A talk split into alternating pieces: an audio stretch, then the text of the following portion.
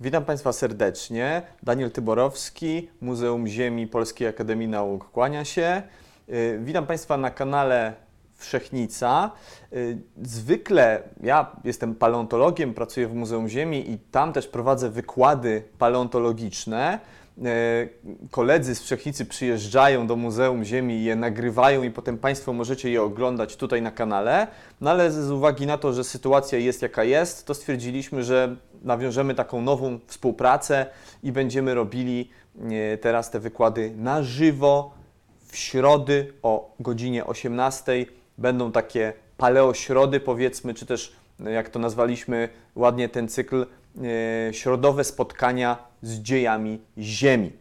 Taki będzie e, tutaj ten cykl właśnie środowy, więc będę Państwu opowiadał o paleontologii, o geologii, o historii życia na Ziemi, o tym, jak to się wszystko zmieniało e, na przestrzeni dziejów. Dzisiaj opowiemy sobie o e, mapach paleogeograficznych, mapy dawnej Ziemi, taki jest tytuł e, tego wykładu, e, czyli to, jak się zmieniał układ lądów, mórz, kontynentów, e, jak się łączyły różne lądy, ja- jak się potem te kontynenty rozpadały i tak dalej, i tak dalej. Jest to paleogeografia. E, No i zobaczymy sobie oczywiście, jakie organizmy, jakie zwierzęta, czy też rośliny żyły w tych różnych obszarach, na tych obszarach, na tych różnych lądach czy w morzach, jak to wszystko wyglądało.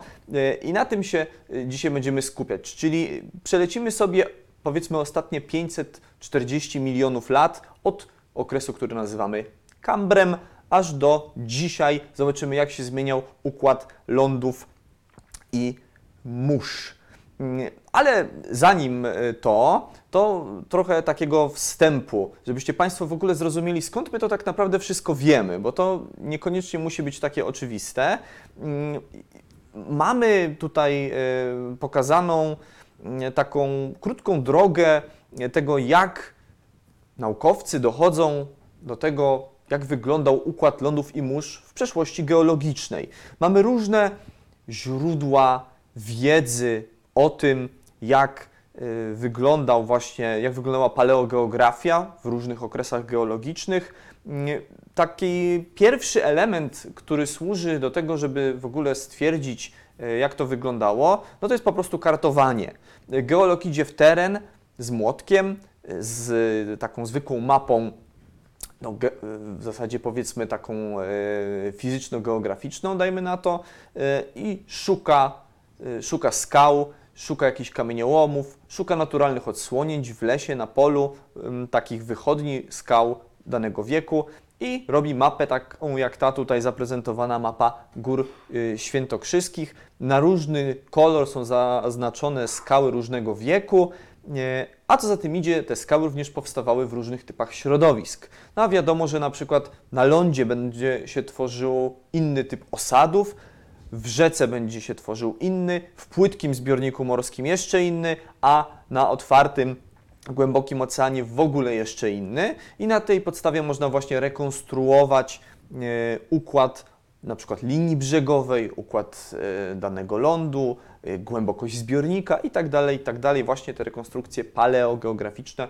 tworzyć, budować takie mapy. Drugi element to są, to jest paleobiogeografia. I tak naprawdę na tym się będziemy dzisiaj najbardziej skupiać. Ja z racji, że jestem paleontologiem, no to y, bliskie memu sercu są wszystkie organizmy wymarłe. Więc y, zobaczycie Państwo dzisiaj, że tworzenie tych map w dużej części polega na analizowaniu różnych zespołów organizmów, które żyły na danym obszarze i na tej podstawie się tworzy taką mapę, ale też y, potem Więc będą po prostu takie grupy organizmów, które służą nam do tego, żeby takie mapy tworzyć. Będą niejako wskaźnikowe, e, z racji, że miały taką biogeografię, a nie inną. Jedne organizmy żyły na tym obszarze, inne żyły na innym. Już dzięki temu wiemy, że była jakaś granica taka paleogeograficzna między tymi dwoma obszarami. No i sobie pooglądamy, mm, jak to się tworzy, jak to wyglądało w przeszłości geologicznej. Zobaczymy różne obszary, na których żyły różne grupy organizmów. I generalnie w trakcie tego wykładu będę Państwu pokazywał dużo map z takiej strony, którą tutaj podaję jako źródło, Deep Time Maps Maps of Ancient Earth. To jest strona, którą ja Państwu gorąco polecam.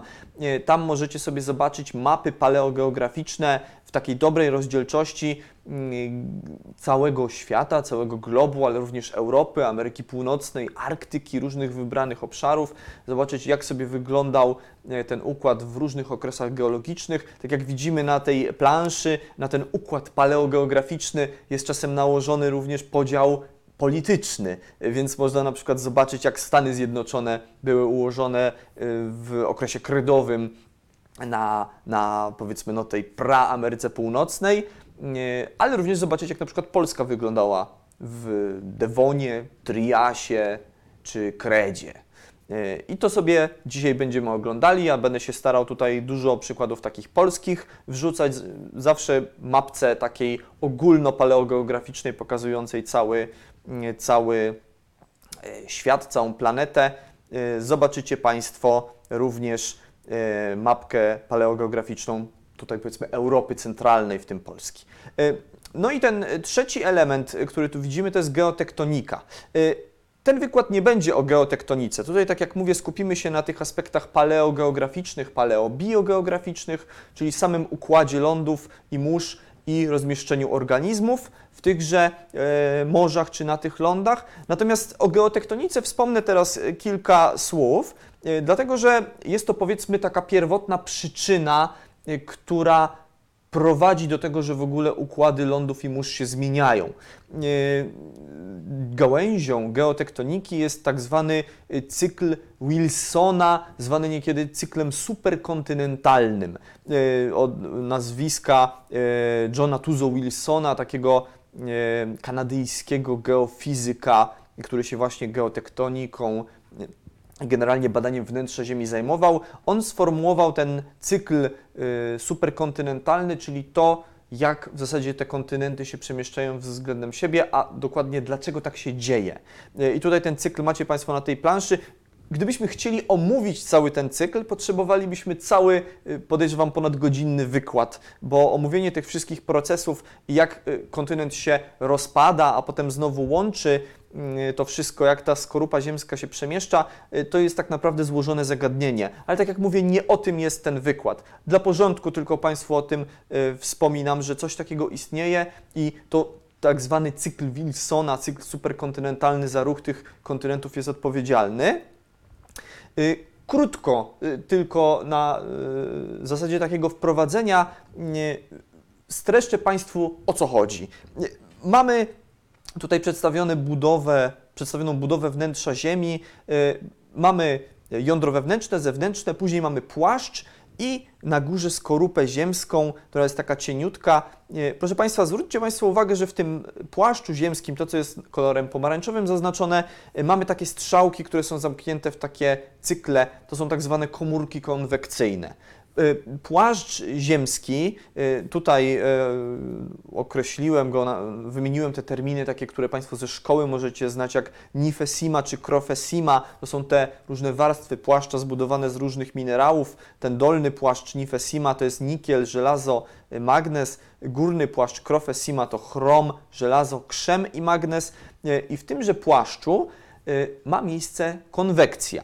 Taka najnormalniejsza w świecie kon konwekcja, proces fizyczny, który znacie Państwo z życia, z lekcji fizyki yy, i na przykład z procesu, jakim jest gotowanie jajek czy parówek na śniadanie. Yy, Dokładnie fizycznie to jest ten sam proces. Kiedy gotujemy jajka w garnku z wodą, no to podgrzewamy ten garnek od dołu.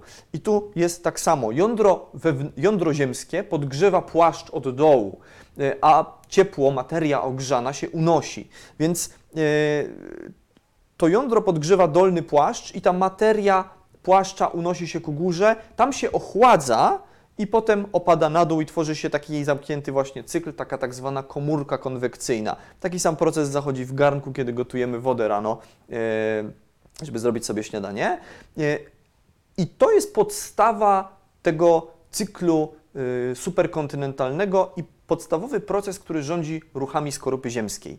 Skoro mamy tę komórkę konwekcyjną i pewna część materii unosi się ku górze, to proszę zwrócić uwagę, jak się przyjrzymy w miejscu, gdzie ten płaszcz styka się ze skorupą ziemską, tam y, dochodzi do ruchu płyty. Mamy napis przesuwanie płyty.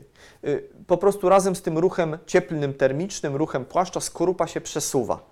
Y, I teraz zwróćcie Państwo uwagę, że ta skorupa jest dwojakiego rodzaju. Mamy skorupę, y, mamy skorupę kontynentalną, tą, która buduje kontynenty. Ona y, jest zbudowana głównie ze skał, jakimi są granitoidy. Granitoidy są to skały y, zbudowane głównie z minerałów jasnych, z krzemionki na przykład y, i skorupa kontynentalna y, jest gruba, to może być kilkadziesiąt kilometrów grubości, a im, że tak powiem, no, wyższa ta skorupa, na przykład tam, gdzie mamy łańcuchy górskie, tam korzeń tej skorupy również będzie sięgał głęboko, czyli tyle, ile wystaje tej skorupy nad powierzchnię Ziemi, tyle samo mniej więcej będzie pod jej powierzchnią. Y, Więc ona w tych najgrubszych partiach może mieć około 60-70 km grubości, y, no i jest y, mniej gęsta, właśnie z uwagi na to, że jest zbudowana z tych granitoidów. Natomiast skorupa oceaniczna, tam gdzie są oceany, jest zupełnie inaczej zbudowana. Ona już jest bardzo cienka, ma maksymalnie kilka kilometrów grubości i ma skład nie, nie granitowy czy granitoidowy, ale bazaltowy. Bazalty to są skały maficzne, zbudowane z ciemnych minerałów yy, i ona jest przez to gęstsza niż skorupa kontynentalna. Więc teraz, skoro skorupa oceaniczna jest, yy, jest gęstsza i cieńsza niż skorupa kontynentalna, no to jak mamy ten y, cykl, y, właśnie tą komórkę konwekcyjną i te skorupy się przemieszczają względem siebie, jeżeli teraz dojdzie do zderzenia na przykład skorupy kontynentalnej z oceaniczną, no to oczywiście skorupa oceaniczna wjedzie nam pod skorupę kontynentalną, powstaje tak zwana strefa subdukcji i mamy łączenie się jakichś bloków właśnie skorupy. Tak, tak powstają superkontynenty. One się łączą, potem rozpadają. I za chwilę, jak będziemy omawiać y, to, jak się zmieniała ta paleogeografia na przestrzeni ostatniego pół miliarda lat, no to zobaczycie Państwo, że rzeczywiście jest to naprawdę ten cykl y, tutaj superkontynentalny. Tę nazwę y, ma no, z przyczyn takich, że można sprowadzić te ostatnie pół miliarda lat do tego, że się tworzyły superkontynenty, potem rozpadały, znowu się tworzyły i rozpadały. Więc będziemy mieli takie przedziały czasu geologicznego, gdzie e, mieliśmy jeden superkontynent, przez co środowiska były mało zróżnicowane, bo jak był jeden ląd, no to mieliśmy jedną linię brzegową, więc z racji, że środowiska były mało zróżnicowane, no to y, organizmy żywe również się mniej różnicowały, wtedy była, była mniejsza różnorodność biologiczna, co sprzyjało na przykład wielkim wymieraniom, tak było w Permie chociażby, ale będziemy mieli potem takie epizody, kiedy te kontynenty się rozpadają i y, wtedy mamy dużo różnych y, takich linii brzegowych, dużo szelfów, jak zaraz sobie wyjaśnimy to pojęcie, i wtedy różnorodność biologiczna jest dużo, dużo większa. Więc e, pamiętajcie Państwo o tym, że podstawą tego wszystkiego, o czym za moment sobie powiemy, jest właśnie ten cykl Wilsona i istnienie tych komórek konwekcyjnych w płaszczu, które podgrzewając nam niejako skorupę ziemską, powodują jej ruch względem siebie. E, Zanim jeszcze przejdziemy do omawiania tych em, poszczególnych epizodów, e, tutaj historii map paleogeograficznych, chciałbym porozmawiać z Państwem, powiedzieć Państwu e, trochę rzeczy o takich elementach anatomicznych mapy. Będziemy dzisiaj dużo tych map, to wszystkie te mapy e, tego typu właśnie pochodzą z tej strony Deep Time Maps i tam one wyglądają w ten sposób, że mamy kilka takich elementów charakterystycznych. Mamy obszary, które są zaznaczone takim kolorem zielono-brązowym i to są oczywiście kontynenty, to są obszary lądowe, te, na których nie ma wody morskiej. Obszary wyniesione, lądy. Y, Mamy kolor taki ciemno-niebieski i to są oceany i to jest obszar, gdzie jest skorupa oceaniczna zatem, czyli ta cienka skorupa bazaltowa, no a tam, gdzie mamy kontynent, to jest ta grubsza kontynentalna. Ale zwróćcie Państwo uwagę, że mamy na tej mapie również elementy zaznaczone kolorem takim jasno-niebieskim. Y, W przypadku tej mapy to jest akurat mapa późno-jurajska sprzed około 150 milionów lat. Tutaj tych elementów y, jasno-niebieskich jest dużo, ale będziemy mieli też takie mapy, gdzie tych elementów jasno-niebieskich będzie mniej. Co to są te elementy jasno-niebieskie? To są tak zwane morza szelfowe.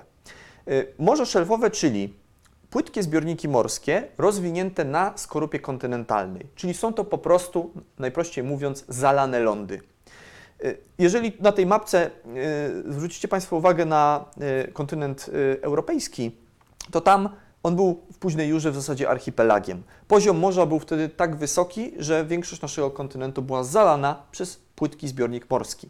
Więc to jest środowisko wodne, morskie, ale rozwinięte na tej skorupie kontynentalnej, na tej skorupie grubszej, granitoidowej. Natomiast ciemne elementy to jest skorupa cienka i bazaltowa.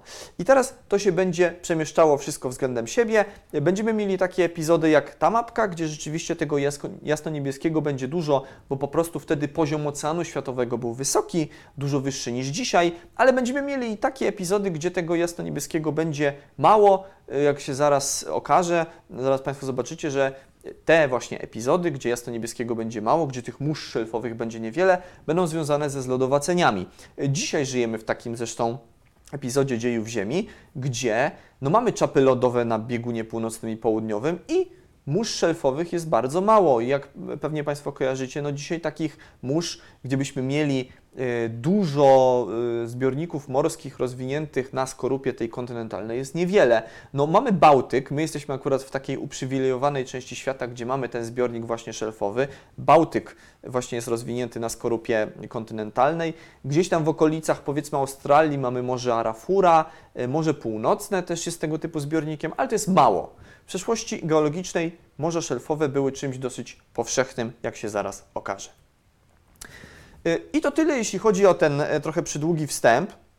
Mm, teraz sobie przelecimy właśnie przez te dzieje Ziemi z punktu widzenia paleogeografii, z punktu widzenia map paleogeograficznych. Zaczniemy od Kambru. Mm, e, Kambr to jest pierwszy okres geologiczny tego eonu, jak to się mówi w geologii, w którym dzisiaj żyjemy, eonu fanerozoicznego. E, Kambr zaczął się mniej więcej 540 milionów lat. E, tu mamy mapkę z końca Kambru sprzed około 500 milionów lat. Po prawej stronie mamy również takie mapki przedstawiające tutaj ten nasz obszar świata europejski, yy, gdzie fragment Polski widać, ale tylko jej fragment, zaraz do tego wrócę. Na razie się skupmy na tej dużej mapie. Yy, no, zupełnie to nie przypomina tego, co znamy dzisiaj, prawda?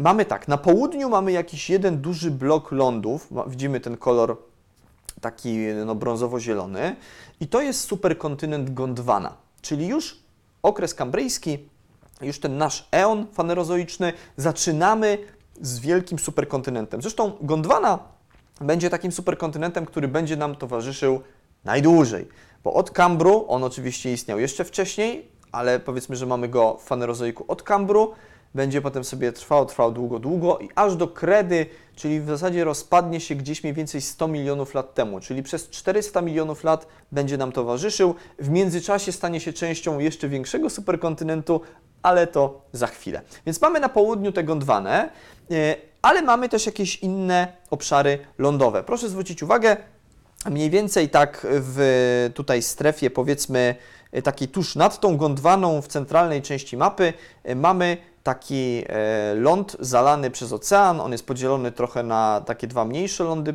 północny i południowy. To jest kontynent Baltika, czyli ten kontynent, który tutaj już po nazwie możecie Państwo e, czuć, że jest jakoś spokrewniony z tymi naszymi ziem, ziemiami. Faktycznie jest to powiedzmy Europa środkowo-wschodnia i północna.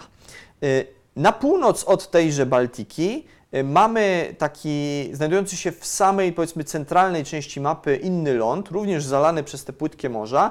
Jest to ląd Angaria albo Syberia, czasami się mówi, właśnie dlatego, że to będzie w przyszłości powiedzmy Azja północno, e, północno-środkowa. E, na zachód od Baltiki i Angarii mamy taki inny ląd, mniej więcej no, dwukrotnie większy e, w przybliżeniu od Baltiki i Angarii. To jest kontynent Laurencja, który w przyszłości stanie się Ameryką Północną. Co ciekawe, ten kontynent Laurencja, jak Państwo widzą, znajduje się mniej więcej w strefie równikowej, ale on jest przekręcony o E, o, o, mniej więcej no 90 stopni względem tego dzisiejszego ułożenia. Czyli tak jak patrzymy na tę mapę i patrzymy na ten kontynent e, laurentyjski, to e, na osi północ-południe mamy dzisiejszą oś wschód-zachód. czyli powiedzmy no, e, dzisiejsza arktyczna Kanada to jest e, wschodni brzeg tego e, kontynentu. On się przez te kilkaset milionów lat zdążył tak e, przekręcić, wyrotować. Teraz jak się skupimy na tej mapce tutaj po prawej stronie, gdzie mamy e, tę naszą część świata i widzimy kontynent Baltika, on jest zresztą podpisany i tam mamy podział polityczny i widzimy, że to jest rzeczywiście Europa Północna i Wschodnia, widzimy Ukrainę, Białoruś, e, tutaj kraje skandynawskie, nadbałtyckie i fragment Polski, ale tylko fragment. E, Widzimy tą Polskę powiedzmy na wschód i północny wschód od linii Koszalin, Rzeszów, tak sobie powiedzmy, dlatego że wszystko, co było na południe i południowy zachód od tej linii jeszcze nie istniało. Y, Wszystko, co jest na południe od linii Koszalin-Rzeszów, tak w przybliżeniu, od tak zwanej linii TT, linii Tejsera Tornquista, od nazwanej od nazwisk dwóch y, geologów, y, jednego zresztą y, Polaka, Tejsera. Y, No, jeszcze w Kambrze nie było tutaj częścią tego kontynentu bałtyckiego. Wspomniałem o tej linii tej Seratonquista. Y, Ona y, to jest taka linia dzisiaj w zasadzie mm, geologiczno-regionalna. Dzisiaj na mapach geologicznych, jak się bierze mapę Polski, to tam jest zaznaczona ta linia. Ona jest pozostałością po takim oceanie, który się nazywa Oceanem Tornquista, od nazwiska jednego z tychże geologów. I tu na tej mapce po prawej stronie na dole i na południe od Baltiki widzą Państwo jest właśnie napisane jest tam y, y, Tornquist Plate, tam jest właśnie ocean Tornquista, on się później zamknie i stworzy nam te linie. Więc tak wyglądał układ lądów w Kambrze. Widzimy też dużo tych mórz y, szelfowych, a takimi organizmami, które w Kambrze są no, bardzo charakterystyczne i było ich bardzo dużo, były trylobity. Trylobity wszystkim fanom geologii, paleontologii są znane, to są takie morskie, paleozoiczne stawonogi, takie trochę e, no, morskie karaluchy, niektóre z nich zresztą mogły być bardzo duże. Mm, Tutaj mamy anatomię takiego e, trylobita przedstawioną. W Kambrze ich było na tyle dużo i na tyle szybko ewoluowały, że podział stratygraficzny Kambru i w ogóle datowanie skał w Kambrze jest oparte o skamieniałości tych zwierząt. One się nadają do stratygrafii, do biostratygrafii, ale nie tylko. Okazuje się, że trylobity wykazywały w Kambrze tak zwany prowincjonalizm biogeograficzny. Być może Państwo pamiętacie ze szkoły, z lekcji geografii na przykład, że dzisiaj też mamy różne prowincje biogeograficzne. E, Na przykład torbacze to są organizmy, które dominują w Australii, w innych kontynentach e, e, mamy ssaki łożyskowe, prawda? I tak dalej, i tak dalej. Jest wiele tych, tych przykładów. Inne organizmy będą żyły w Ameryce Południowej, inne w Ameryce Północnej i tak dalej. W Kambrze było tak samo. E, Na samych tylko trylobitach można przedstawić te różne prowincje e, paleobiogeograficzne, trylobitowe. To jest taki klasyczny podział, e, który chciałem Państwu przedstawić na podstawie Kobayashiego. On sformułował trzy, określił, że w Kambrze były trzy takie główne prowincje. Mamy układ lądów, ten co mieliśmy mieliśmy na poprzednim tym, e, na poprzedniej planszy tej ogólnej z mapką. Mamy Gondwanę, Baltikę, Laurencję, Syberię. Dookoła jest super ocean, wszechocean Pantalassa. Tu jeszcze mamy ocean Iapetus zaznaczony między Gondwaną a powiedzmy Baltiką i Laurencją. No i mamy różne fauny trylobitowe na różnych szelfach różnych kontynentów. To jest to, co mówiłem na początku. Jeżeli kontynenty będziemy mieli rozczłonkowane, to będzie się zwiększała różnorodność biologiczna. W Kambrze te kontynenty były całkiem rozczłonkowane, mimo że na południu mieliśmy superkontynent, ale to sprawiło właśnie to rozczłonkowanie, że różne linie ewolucyjne ewoluowały na różnych obszarach. I tak mamy trzy główne kambryjskie prowincje trylobitowe. Mamy taką dużą prowincję olenellidową od linii ewolucyjnej. Tutaj mamy zresztą przedstawiciela tej linii na, na tej planszy e, Olenellina. I one żyły tutaj w tej naszej części świata, powiedzmy e, w tym obszarze bałtyckim i laurentyjskim. Zresztą e, no, te, ta prowincja Olenellidowa dzieli się na takie dwie podprowincje, e, akado-bałtycką, tą na Baltice i arktoamerykańską, tą na Laurencji. Zupełnie inne trylobity, więc inna prowincja trylobitowa była na południu, na tym superkontynencie Gondwana. E, Tam mamy na szelfie e, wschodnim e, Gondwany, mamy takie dwie e, podprowincje należące do e, tej dużej prowincji Redlichina. Redlichina to jest jedna z takich linii właśnie trylobitów. e, I tutaj ona się dzieli akurat na jakąś tam australijsko-antarktyczną i południowo-wschodnioazjatycką. Generalnie e, to jest zupełnie inna prowincja niż ta Olenellidowa w tej naszej części świata. No i między tym wszystkim na tym kontynencie Syberia i otaczających go mniejszych lądach mamy taką e, powiedzmy prowincję e, pośrednią, która też się dzieli tam na śródziemnomorską i tą północnoazjatycką na terenie samej powiedzmy Syberii. Więc jak Państwo widzą, na podstawie tych organizmów, gdybyśmy mieli tylko te skamieniałości, i powiedzmy mniejsze pojęcie o samej geologii i o skałach, i tak jesteśmy w stanie zrekonstruować układ tych lądów. E, Mimo tego, że dzisiaj na przykład Syberia jest częścią Azji e, i na przykład ten obszar prowincji Redlichida e, również no, w Kambrze był Azją, bo tu widzimy, że to był obszar południowej Azji, mniej więcej Chiny na przykład były częścią tej Gondwany, no to dzisiaj to jest blisko siebie, w Kambrze to były zupełnie dwa inne bloki lądów. Y, To, o czym jeszcze nie wspomniałem, co jest ważne, no ta Gondwana poza tą Azją południowo-wschodnią, to są wszystkie te kontynenty, które nie tworzą Laurencji, Bałtyki i Syberii, czyli Afryka, Ameryka Południowa, Australia, Antarktyda, Madagaskar oraz Indie, czy Półwysep Dekan, który był wtedy częścią właśnie tego superkontynentu. Z Kambru przeskakujemy sobie do Ordowiku. Yy, I Ordowik, yy, proszę Państwa, generalnie ma układ kontynentów dosyć zbliżony do Kambru. Ciągle mamy, widzimy na południu superkontynent Gondwana, mamy tę Baltikę, mamy yy, Laurencję, mamy Syberię. Laurencja, Syberia, yy, przepraszam, Laurencja, Baltika oraz taki archipelag małych y, lądów na południe od tych dwóch zwany Awalonią, zaczynają się do siebie zbliżać. One już są bardzo blisko, prawda? Dużo bliżej niż to było w Kambrze. One się niedługo zderzą ze sobą, ale jeszcze w Ordowiku to są osobne lądy, osobne szelfy. Yy, Tutaj na tej obrazku, na tej mapie z prawej strony widzimy zbliżenie na ten obszar. Znów widzimy tą Baltikę y, z zaznaczonym podziałem politycznym i widzimy, że ta Awalonia tutaj bardzo już jest blisko tej Baltiki. Prawie to się wszystko zderza ze sobą. Po tym oceanie Tornquista, który mieliśmy wcześniej, już, już prawie nie ma śladu, prawda? E, Natomiast ciągle mamy e, ocean, e, ten Iapetus, który oddziela nam Laurencję od Baltiki, ale to już jest bardzo, bardzo blisko siebie. Więc tu już widzimy, że w Ordowiku to nam zmierza, mimo ciągle dużego rozczłonkowania tych lądów, to nam zmierza powoli do jakiegoś scalenia. Więc przypominam znowu ten cykl Wilsona. Mamy epizody dużego rozczłonkowania kontynentów, a potem to zawsze prowadzi do ich łączenia się. I tu mamy już takie, powiedzmy, preludium do tego, ale chciałem zwrócić Państwa uwagę jeszcze na to, co się dzieje na południu tej mapy ogólnoświatowej. E, Na kontynencie Gondwana mamy pewien element kolorystyczny, którego nie było wcześniej, co jest zaznaczone na biało. To są czapy lodowe.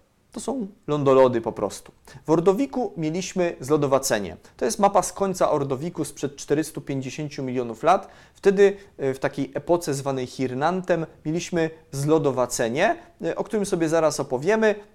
Zaraz do tego zlodowacenia wrócimy, e, ponieważ no, pewne organizmy się świetnie przystosowywały do życia właśnie w takim trudnym środowisku ordowickie, powiedzmy tych ordowickich stref polarnych, tak sobie to ładnie ujmijmy. E, Natomiast w Ordowiku ciągle mm, taką ważną grupą organizmów były trylobity. One ciągle szybko ewoluowały i były na tyle zróżnicowane, że nadal w Ordowiku badacze e, tworzą różne prowincje biogeograficzne na podstawie tych stawonogów. Tutaj e, chciałem Państwu zaprezentować taki model Torszwika i Coxa, z 2016 roku. W Kambrze mieliśmy te główne trzy prowincje, prawda? Prowincję Redlichia, prowincję tą Olenellidową i pośrednią. W Ordowiku mamy cztery prowincje, czyli jeszcze bardziej nam się to e, zmieniło. I mamy tak, Mamy prowincję śródziemnomorską, która tutaj pokrywa te, widzimy te takie małe lądy na południe od Baltiki, y, tą, tą Awalonię, która się tak zbliża i zamyka nam tu ocean Tornquista. Mamy jakąś prowincję tropikalną, y, wschodniotropikalną powiedzmy, y, na Gondwanie. Y, Mamy prowincję bałtycką, dalej na Baltice i mamy prowincję Laurencji i Syberii razem. Czyli proszę zwrócić uwagę, w Kambrze na przykład te same linie ewolucyjne, jedna prowincja trylobitowa była na Laurencji i Baltice, prawda? Tam one się jeszcze dzieliły na podprowincje, ale generalnie to była jedna duża prowincja. W Ordowiku to się trochę przemieliło, Syberia się tutaj też zbliżyła i raczej jedna prowincja jest w obrębie Laurencji i Syberii, a Baltika tam jeszcze szelf jest oderwany i zupełnie idzie to swoją drogą. Więc widzimy, jak, jak to się tutaj fajnie zmieniło. Kontynenty trochę zmieniły swój układ, więc te prowincje też się jakoś tam e, przesunęły.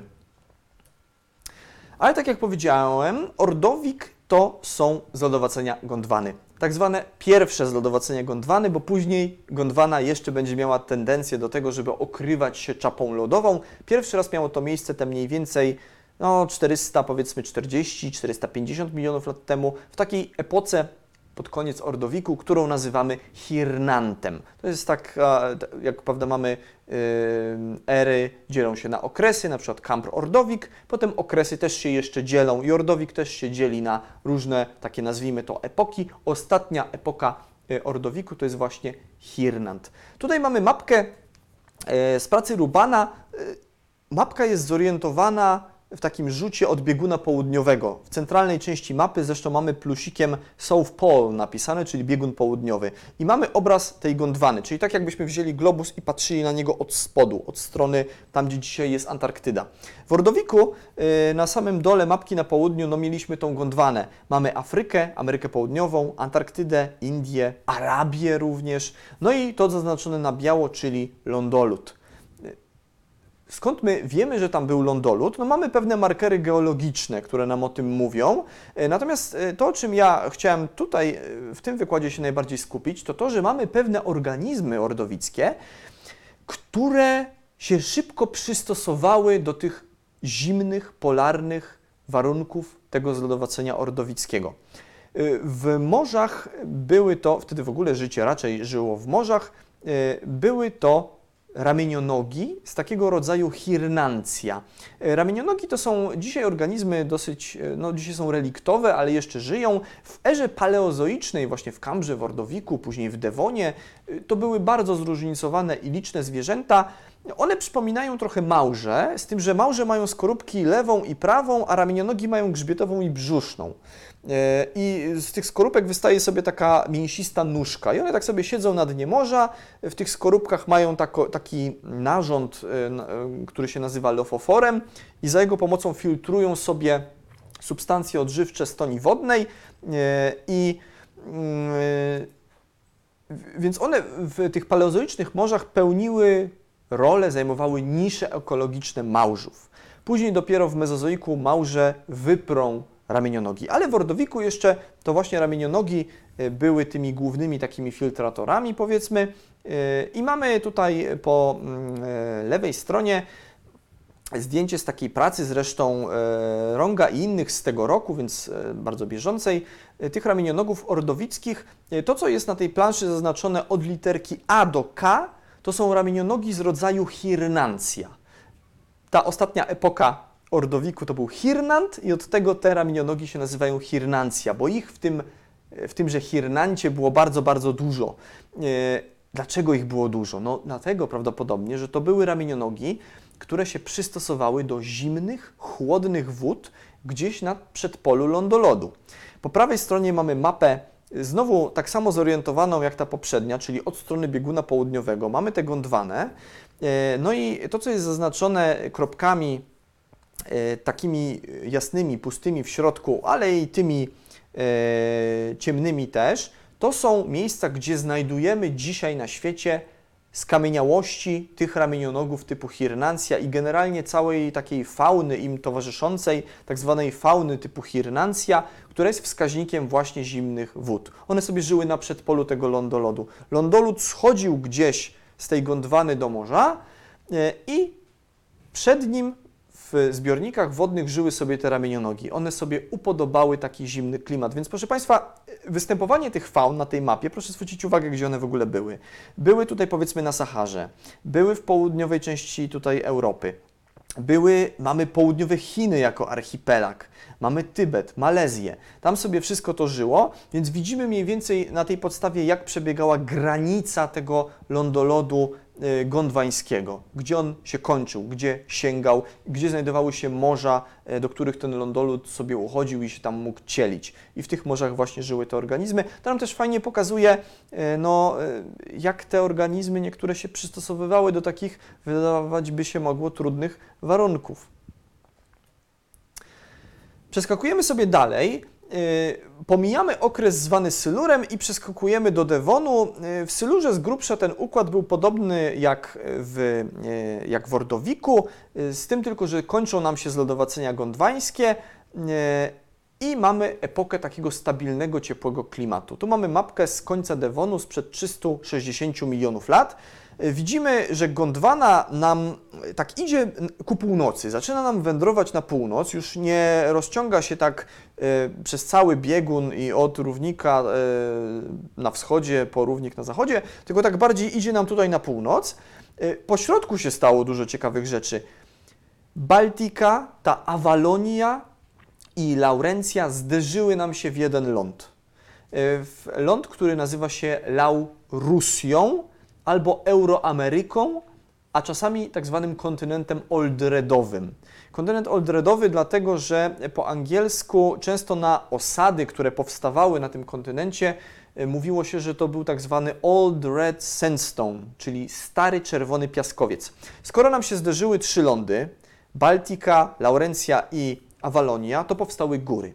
I z tych gór, y, no tam zaczęło erodować, erozja się zaczęła i wietrzenie. Zaczęły nam te góry sobie erodować, wietrzeć i powstawały czerwone piaskowce z tego materiału, który się sypał z tych gór, z tego łańcucha górskiego. Y, czerwone piaskowce, dlatego Old Red Sandstone. I czasami się mówi na ten kontynent, że jest to kontynent Old Redowy, ale tak jak mówię, ma on więcej nazw. Euroameryka, Laurusja. E, Syberia ciągle na, tutaj na północ od, od tej Laurusji tworzy nam osobny kontynent, a na wschodzie od Gondwany oderwały się takie liczne małe bloki lądowe. To jest właśnie ta powiedzmy południowo-wschodnia Azja, południowe Chiny. Taki tworzyły wtedy archipelag e, takich mniejszych lądów. Widzimy, że to wszystko jednak tam biegnie do siebie. Wszystko nam zaraz się tu scali.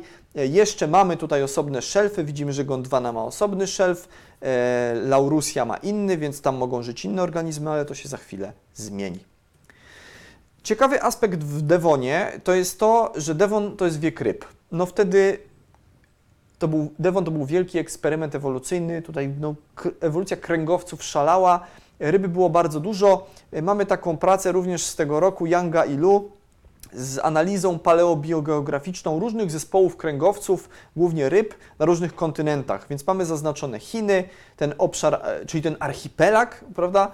E, mamy ten obszar australijsko-antarktyczny, czyli Gondwanę oraz mamy obszar e, europejsko-amerykański, czyli ten kontynent oldredowy. I proszę Państwa, zwróćcie Państwo uwagę, że to, co mamy zaznaczone taką literką F łamane na T, to jest tu w objaśnieniach opisane jako fish tetrapod transition, czyli granica między rybami a czworonogami. W Devonie kręgowce wyszły na ląd, powstały czworonogi, czyli kręgowce posiadające kończyny z palcami mogące chodzić po lądzie. E, I widzimy, że ta granica jest zaznaczona tylko na kontynencie tym euroamerykańskim, tylko na e, Laurusji. E, zresztą tutaj takim zielonym kolorkiem na, e, powiedzmy na górze z prawej strony tej planszy mamy zaznaczonego takiego właśnie limbet tetrapods, czyli już takie prawdziwe czworonogi z kończynami, z palcami.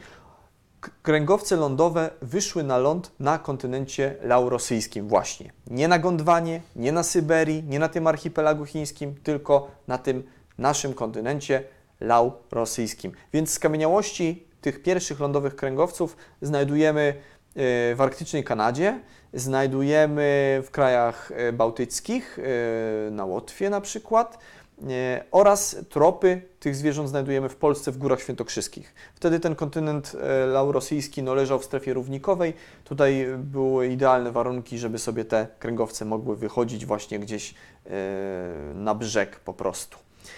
Natomiast w ogóle ta ewolucja kręgowców jest ciekawa. Bardzo ciekawe fauny w Chinach występowały. Tutaj mamy, e, no, tylko tak e, jako ciekawostkę podaję, e, w Dewonie żyły ryby pancerne. I bardzo ciekawa taka endemiczna grupa żyła wtedy w Chinach, Wutta gonaspina się nazywała i tutaj mamy takiego przedstawiciela pokazanego. One były endemitami tylko dla tej właśnie prowincji związanej z tym archipelagiem chińskim, nazwijmy to sobie.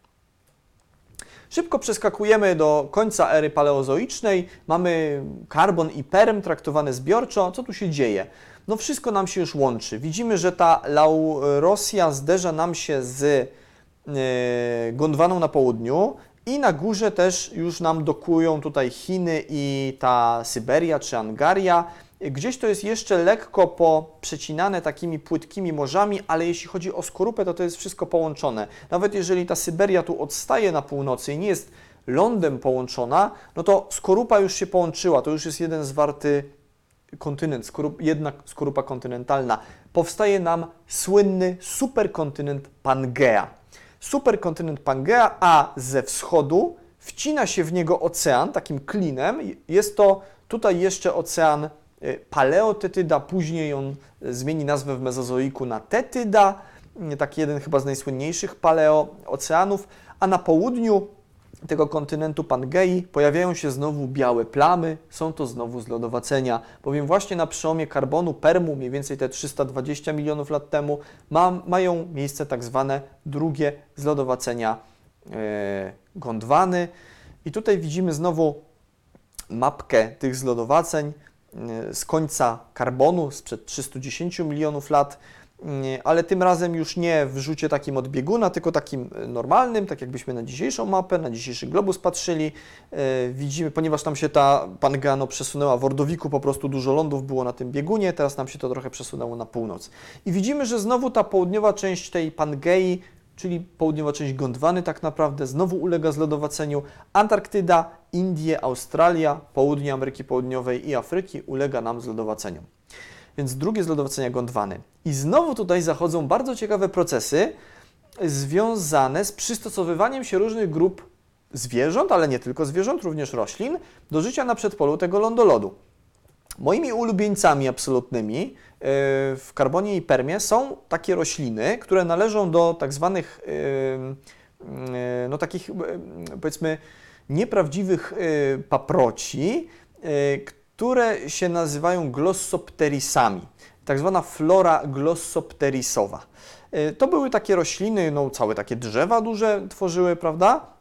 Mimo, że to paprocie, ale takie, no, no, no nie takie paprocie jak te dzisiejsze. Y, I one miały takie długie jakby liście, takie, takie e, właśnie powiedzmy e, podłużne i rozszerzające się, ale tempo zakończone.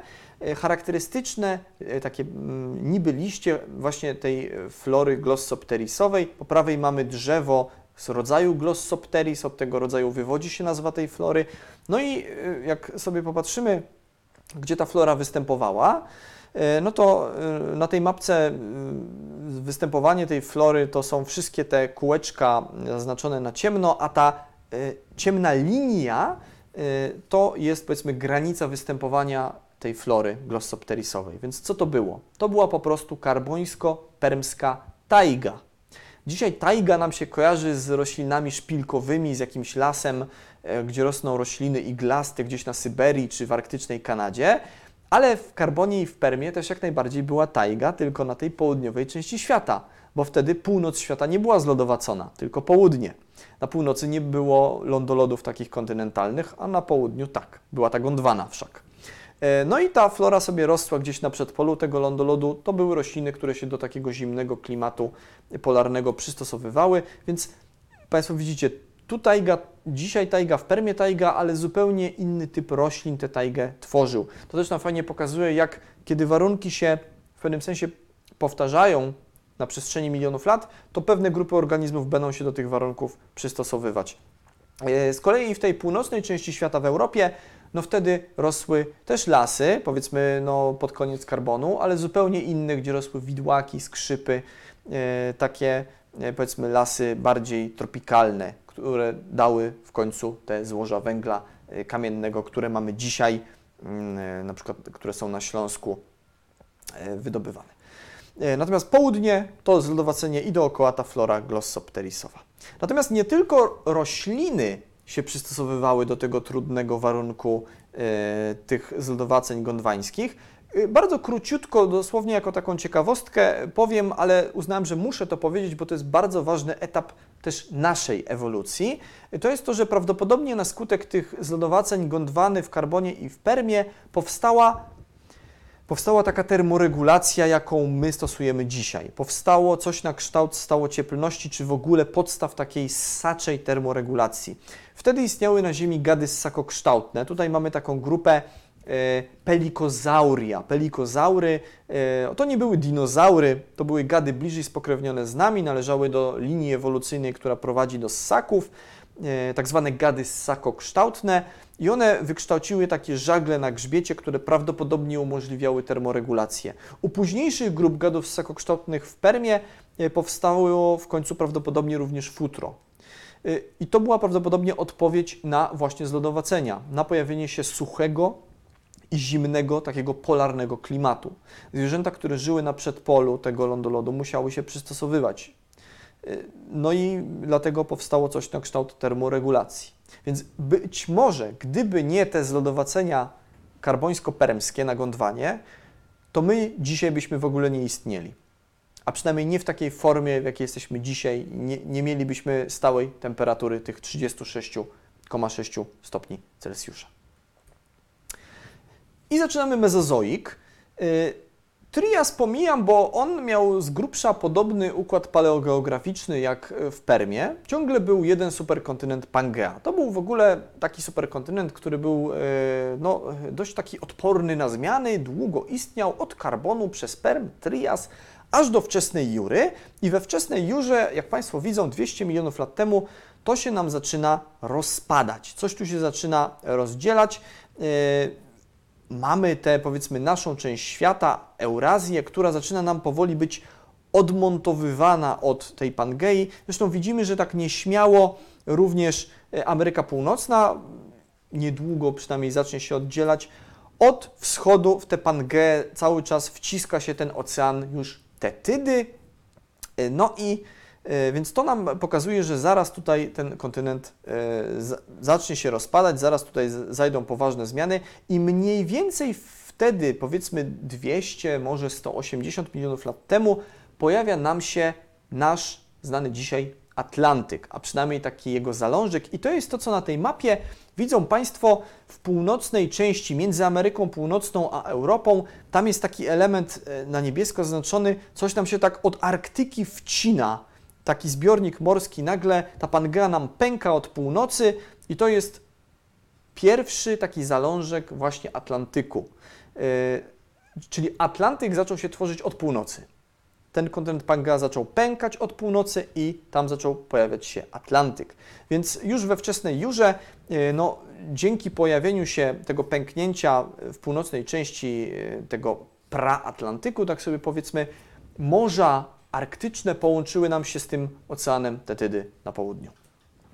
Początek Jury był bardzo ciekawy w tej naszej części świata i o tym, dlatego temu e, poświęcam zupełnie osobną planszę. E, Proszę Państwa, niby niedaleko jest z Polski, z Gór Świętokrzyskich do na przykład e, tutaj centralnych Niemiec, czy, czy takich centralno-południowych Niemiec, niby to jest wszystko blisko, niby to jest Europa Środkowa, ale w tym czasie, te mniej więcej 180 milionów lat temu, zupełnie inne warunki środowiskowe miały miejsce tutaj w naszym kraju, a zupełnie inne właśnie w Niemczech. Co za, z czego to wynika? No, bo był trochę inny układ lądów. Jak sobie spojrzymy na tę mapę mm, na środku e, tej planszy, no to widzimy, że ta nasza część świata, e, Polska tutaj była, e, były jakieś morza, ale mamy taki kawałek lądu po środku, który nam pokrywał powiedzmy centralną Polskę, obszar Gór Świętokrzyskich. Dlatego w skałach wczesnojurajskich, skały wczesnojurajskie to są w ogóle piaskowce, piaskowce, jakieś mułowce pochodzenia rzecznego. Bo to był ląd, przez który sobie e, meandrowała rzeka raz w lewo, raz w prawo i na przykład w Sołtykowie koło Stąporkowa e, w tychże skałach mamy tropy dinozaurów i również skamieniałości flory. Więc wiemy, że tu był ląd i w pobliżu tej rzeki przychodziły sobie różne dinozaury. Generalnie fauna lądowa, środowisko, ekosystem lądowy. Tak jak mówię, no, stosunkowo niedaleko w Niemczech mamy zupełnie inne skały. W centralnych i południowych Niemczech powstają takie ciemne, bitumiczne łupki, które widzimy e, tutaj na dole po lewej stronie, tak zwane łupki posidoniowe i w nich występuje fauna morska. Fauna morska, amonity, belemnity, jakieś lilie morskie, ryby, no i cała gama gadów morskich, ichtiozaury, krokodyle, plezjozaury. Więc e, tutaj u nas był ląd i tu sobie hasały dinozaury, a u naszych zachodnich sąsiadów żyły morskie gady i fauna generalnie morska. E, no, tutaj widzimy zasięg tego zbiornika właśnie zaznaczony na ciemno tego zbiornika, gdzie te ciemne łupki powstawały, te tak zwane łupki posidoniowe. On widzimy sięgał, tutaj do nas nie dochodził, widzimy gdzie znajduje się e, Berlin, prawda? I mniej więcej no, to był obszar tutaj Niemiec, E, do Wielkiej Brytanii sięgał również i do Francji. Natomiast e, w naszej części świata było to, co na tej mapce jest zaznaczone tym kolorem takim zgniło-zielonym i zaznaczone literkami BM, to jest tak zwany Bohemian Massive, czyli masyw albo ląd czeski. To jest ten ląd, który na tej poprzedniej planszy Państwu pokazywałem, który pokrywał tutaj też tę naszą część e, świata, powiedzmy no Polskę, tak? Czyli u nas był ten ląd czeski prawdopodobnie, a na zachodzie tego lądu był ten zbiornik z tymi ciemnymi, bitumicznymi, zasobnymi w materię organiczną łupkami, gdzie była ta fauna e, morska. Więc to pokazuje, że możemy mieć obszary blisko siebie położone, ale tam i tak będą pewne różnice, takie paleogeograficzne, pewne różnice środowiskowe. Skaczemy szybko do późnej Jury. E, I tu widzimy, że już zupełnie ten układ się zmienia. Kontynenty nam się mocno rozsuwają. E, ten Atlantyk nam już tutaj idzie bardziej na południe, więc Ameryka Północna się oddzieliła od Gondwany, ale i Gondwana zaczyna się rozpadać, proszę Państwa. Jeszcze mamy jej pewne pozostałości, bo Ameryka Południowa z Afryką są razem. E, na południu od tychże mamy połączony razem e, kontynent antarktyczny razem z Australią i z Dekanem, która cały czas jest częścią tej Gondwany. Natomiast to wszystko nam się zaczyna powoli rozpadać. Więc znowu mieliśmy epizod jednego superkontynentu i potem mamy znowu epizod tego rozpadu. Y, co więcej, proszę zwrócić uwagę, że tutaj mamy dużo koloru jasno-niebieskiego. Późna Jura, te mniej więcej 150 milionów lat temu, to jest taki czas, gdzie poziom oceanu światowego był bardzo wysoki. Y, były dwa takie epizody w erze mezozoicznej, kiedy tego y, oceanu, poziom oceanu był był, był duży. Pierwszy był właśnie w późnej Jurze, później drugi był y, pod koniec Kredy. I proszę zwrócić uwagę, po prawej stronie mamy mapkę europejską. Tutaj mamy tego jasno-niebieskiego bardzo dużo. Europa była wtedy archipelagiem. Polska również już nie ma tego, e, tego lądu czeskiego, przynajmniej w tak dużej formie, jak był we wczesnej Jurze, e, więc wystarczyło 30 milionów lat, żeby ten poziom morza tu sprowadził nam środowiska morskie na teren naszego kraju. I z późnej Jury już nie mamy piaskowców ze środowiskiem rzecznym i stropami, e, no takich przynajmniej licznych e, faun lądowych, e, mamy skamieniałości morskie. Tak jak trylobity w Kambrze czy w Ordowiku były tymi głównymi tutaj mm, najczęściej spotykanymi skamieniałościami, tak w Jurze takim emblematem są amonity, spiralnie zwinięte głowonogi. One podobnież jak trylobity nadawały się do datowań, na ich podstawie jest podział jury na inne epoki e, oparty. E, późna jura na przykład dzieli się na trzy epoki, Oxford, Kimeryt i Tyton i każda z nich jest zdefiniowana przez jakiś tam gatunek amonita. Granice między tymi epokami również są na podstawie faun amonitowych wyznaczone. Ale amonity, podobnie jak trylobity, wykazywały prowincjonalizm biogeograficzny. Więc e, no, podzielono tutaj ten na przykład nasz obszar świata, Europę, na dwie prowincje. Mamy prowincję borealną na północy Europy i prowincję medyterańską na południu. Prowincja borealna była związana ze zbiornikiem borealnym, który znajdował się w Arktyce e, oraz z takimi dwiema podprowincjami też chłodnymi, e, jedną subborealną brytyjską, a drugą rosyjską. Generalnie to była ta północ Europy, a natomiast prowincja medyterańska to były wody ciepłe związane z tym oceanem Tetydy, który nam tutaj pokrywał te, wcinał się w tę rozpadającą się, e, no już, e, no już rozpadniętą w zasadzie Pangeę e, i teraz wcina nam się od południu w Europę. I tu mamy taką mapkę paleogeograficzną, gdzie mamy pozaznaczane Mamy, widzimy miasto Berlin, widzimy, gdzie jest Polska, widzimy Wiedeń, Monachium i mamy mm, zaznaczone różne typy osadów, różne typy tych prowincji. Widzimy, że ten obszar taki zaznaczony na powiedzmy na ten taki ciemno, czy powiedzmy no szary, szary kolor, no to są te prowincje, wody prowincji chłodnych, a to, co jest paskami, to są te wody prowincji tych południowych ciepłych. No i mamy takie miejsca zaznaczone strzałkami, to jest tu zdefiniowane jako migracje między tą prowincją submediterańską i subborealną. No bo w tych różnych prowincjach żyły różne typy faun, żyły różne gatunki amonitów. Mamy całe linie amonitów, które sobie ewoluowały w tym zbiorniku borealnym na północy, a mamy zupełnie inne, które sobie ewoluowały w oceanie Tetydy na południu. Ale czasami dochodziło do tak zwanych ekskursji, czyli do takich no, wycieczek po prostu. Czasami nagle w obrębie prowincji borealnej pojawia się jakiś amonit charakterystyczny dla tych prowincji południowych, dla oceanu Tetydy. E, takie ekskursje, migracje tych faun z południa na północ i w drugą stronę są dla badaczy okresu jurajskiego no bardzo takie podniecające i to jest gorący temat. Jak Państwo widzą na tej mapce są takie dwie drogi tych migracji zaznaczone. Jedna tutaj powiedzmy przez ten obszar północnych Niemiec, a druga gdzieś e, no, tu w obrębie tego masywu armorykańskiego między Wielką Brytanią a Francją.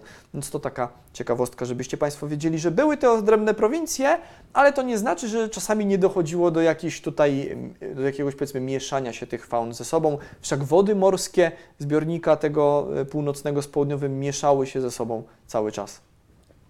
Ciekawym zagadnieniem e, w Jurze jest ten zbiornik borealny. E, wiemy, że był, wiemy, że tam były jakieś dziwne fauny, ale my tak naprawdę o nim wiemy ciągle mało. Dlaczego wiemy mało? Dlatego, że dzisiaj ta część świata jest zlodowacona. Dzisiaj Arktyka jest pokryta czapą lodową. W Jurze nie było czap lodowych, jak Państwo widzicie. Tu mamy mapkę pokazaną teraz z góry. Mamy zaznaczone kropeczką NP, czyli North Pole, to jest y, biegun y, oczywiście północny. Widzimy Arktykę, widzimy od północy Europę i Amerykę Północną oraz Azję. I to jest domniemana rekonstrukcja tego, jak ten zbiornik mógł wyglądać, ale muszę Państwu tutaj powiedzieć o tym, zaznaczyć to, że my tak naprawdę o układzie paleogeograficznym Arktyki wiemy mało w Mezozoiku, czy w ogóle tak naprawdę, bo dzisiaj ta część świata jest pokryta lądolodem. Czasami są takie obszary, gdzie mamy więcej tych, e, tych terenów e, odsłoniętych w Arktyce, na przykład Svalbard e, jest takim dobrym miejscem i na tej podstawie wiemy, że tam żyły bardzo dziwne fauny i to rzeczywiście było odrębne środowisko niż tutaj na przykład nasza część świata czy południe Europy. No i szybciutko przelatujemy do kredy, ostatni okres ery mezozoicznej. E, I tutaj widzimy, że kontynenty już przypominają znane obecnie kształty. I generalnie to pozostanie e, tak, jak jest. E, jedna rzecz, na którą bardzo chciałem zwrócić Państwa uwagę, to spójrzcie Państwo, gdzie są Indie. One się już odłączyły od tej Gondwany i sobie migrują, że się tak wyrażę, przez Ocean Indyjski i aż się mniej więcej 25 milionów lat temu zderzą z Azją, tworząc Himalaje. Ale w okresie kredowym to był taki izolowany ląd, Półwysep Indyjski, Dekan, był wtedy takim lądem, który sobie no, migrował, po, przemieszczał się na północ. E, widzimy, że już Gondwana się w zasadzie rozpadła, Australia jest osobno, Antarktyda osobno. E, tutaj nasza część świata jest znowu pokryta płytkimi morzami, bo pod koniec kredy ten poziom morza był bardzo, bardzo wysoki. E, w dodatku pod sam koniec okresu kredowego, mniej więcej 70-65 milionów lat temu, mm, te płytkie morza, e, w nich powstawały skały węglanowe, no po prostu kreda pisząca tak zwana. Zresztą stąd się wzięła nazwa tego okresu, czyli okres kredowy wziął swoją nazwę od skały kredy. Po polsku tylko to się nazywa tak samo. W języku angielskim y, skała kreda to jest chalk, a okres kredowy to jest Cretaceous period. Więc tutaj te do czynienia z tymi y, homonimami to tylko w języku polskim, tak jako ciekawostkę Państwu powiem. No i o, w późnej kredzie od Anglii przez Europę Środkową aż po Azję była w zasadzie unifikacja środowisk. Wszędzie ta kreda pisząca powstawała. Wszędzie ten sam typ skały zbudowanej z jakichś małych pancerzyków mikroplanktonu morskiego, jakichś kokkolitów, z racji, że ten poziom oceanu był wysoki, no to, e, a z, drugiej strony te kontynenty, jak Państwo widzieliście, były mocno rozczłonkowane, no to takie zakwity takiego mikroplanktonu powstawały i tworzyły się całe takie pokłady tej kredy, tak jak te słynne białe klify w Dover, czy na przykład w Danii również. E, Tam są słynne na wyspach tutaj e, u, u zaraz e, przy, przy wyjściu z Bałtyku, tam również takie klify kredowe. E, Stevens Clint na przykład. Możecie Państwo znaleźć. To wszystko jest właśnie z końca okresu kredowego. Ciekawa sytuacja w kredzie miała miejsce na kontynencie północnoamerykańskim. Tutaj ten kontynent był zalany przez, był w zasadzie przecięty przez takie płytkie morze szelfowe.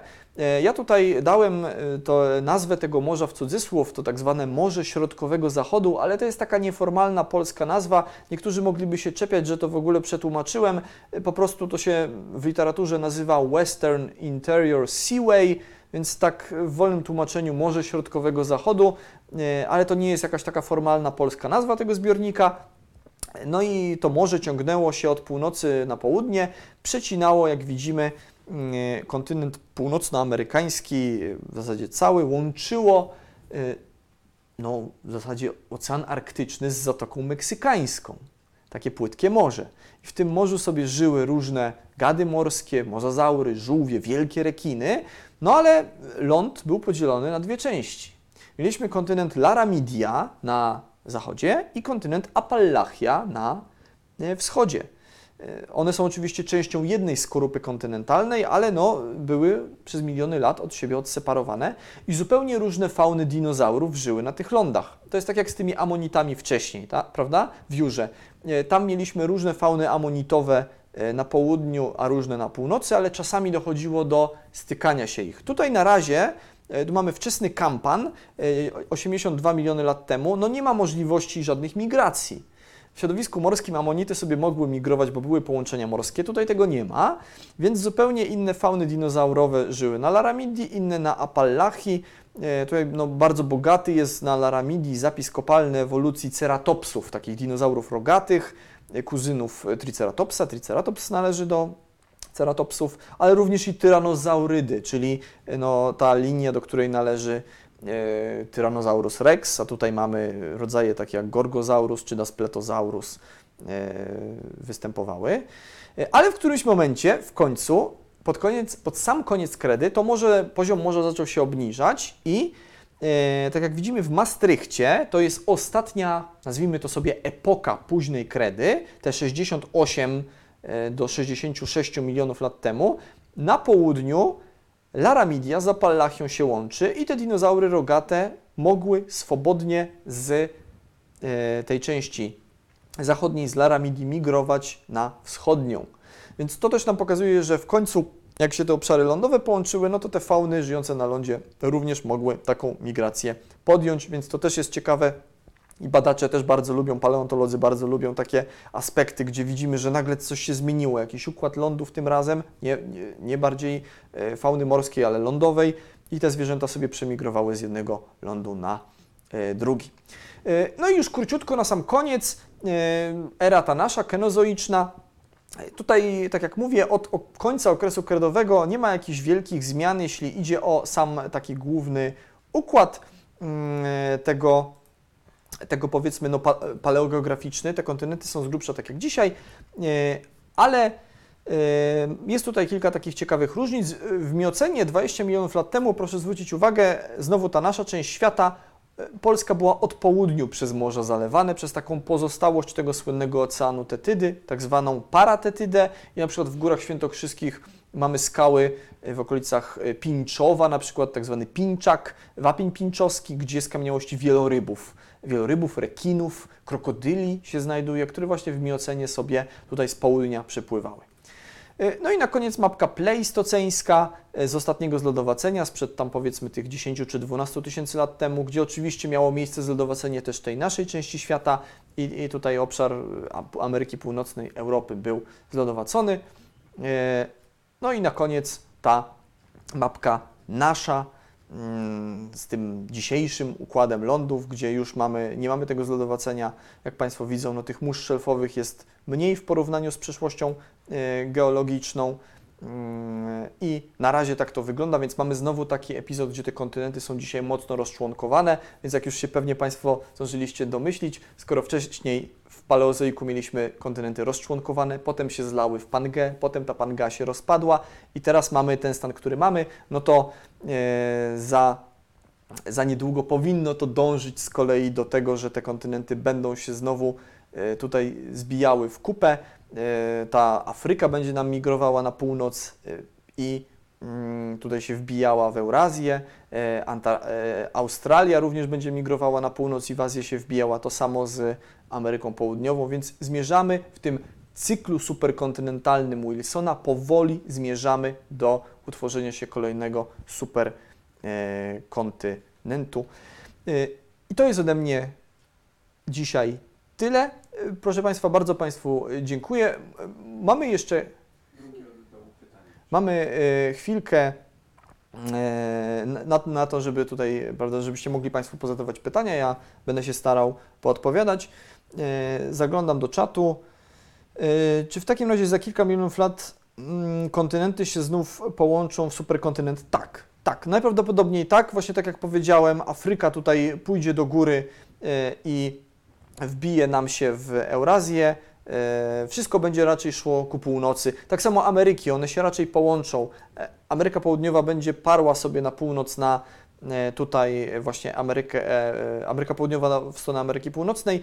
No Atlantyk nam się cały czas rozszerza, więc w końcu ta część tutaj afrykańsko-euroazjatycka y, i ta część amerykańska będą nam zamykały Pacyfik tym razem. Atlantyk będzie się rozszerzał, Pacyfik będzie się kurczył. Są różne nazwy zresztą na ten kontynent e, taki, e, który ma powstać w przyszłości. Niektórzy go nazywają tam e, Pangea Proxima na przykład, chociaż przed Pangeą była masa innych superkontynentów. Była Rodinia, była Pannocja, e, bardzo, bardzo różne nazwy, ale generalnie tak, to wszystko tutaj dąży nam do, do tego, do zbijania się w kolejny superkontynent.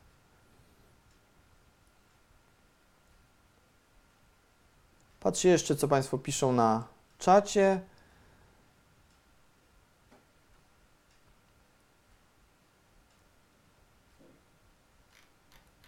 No dobrze, jak, jak nie ma żadnych konkretnych pytań e, co do, co do wykładu, to jeszcze chwilkę e, może zaczekamy, może się jakieś pojawią. Ja jeszcze powiem e, tak, że generalnie te nasze spotkania paleontologiczne tutaj na kanale Wszechnicy będą miały miejsce w każdą środę o godzinie 18 na żywo. Będziemy sobie rozmawiali na różne tematy dotyczące się paleontologii, dotyczące się geologii, powiedzmy historycznej, dotyczące się dziejów Ziemi, ewolucji życia na Ziemi.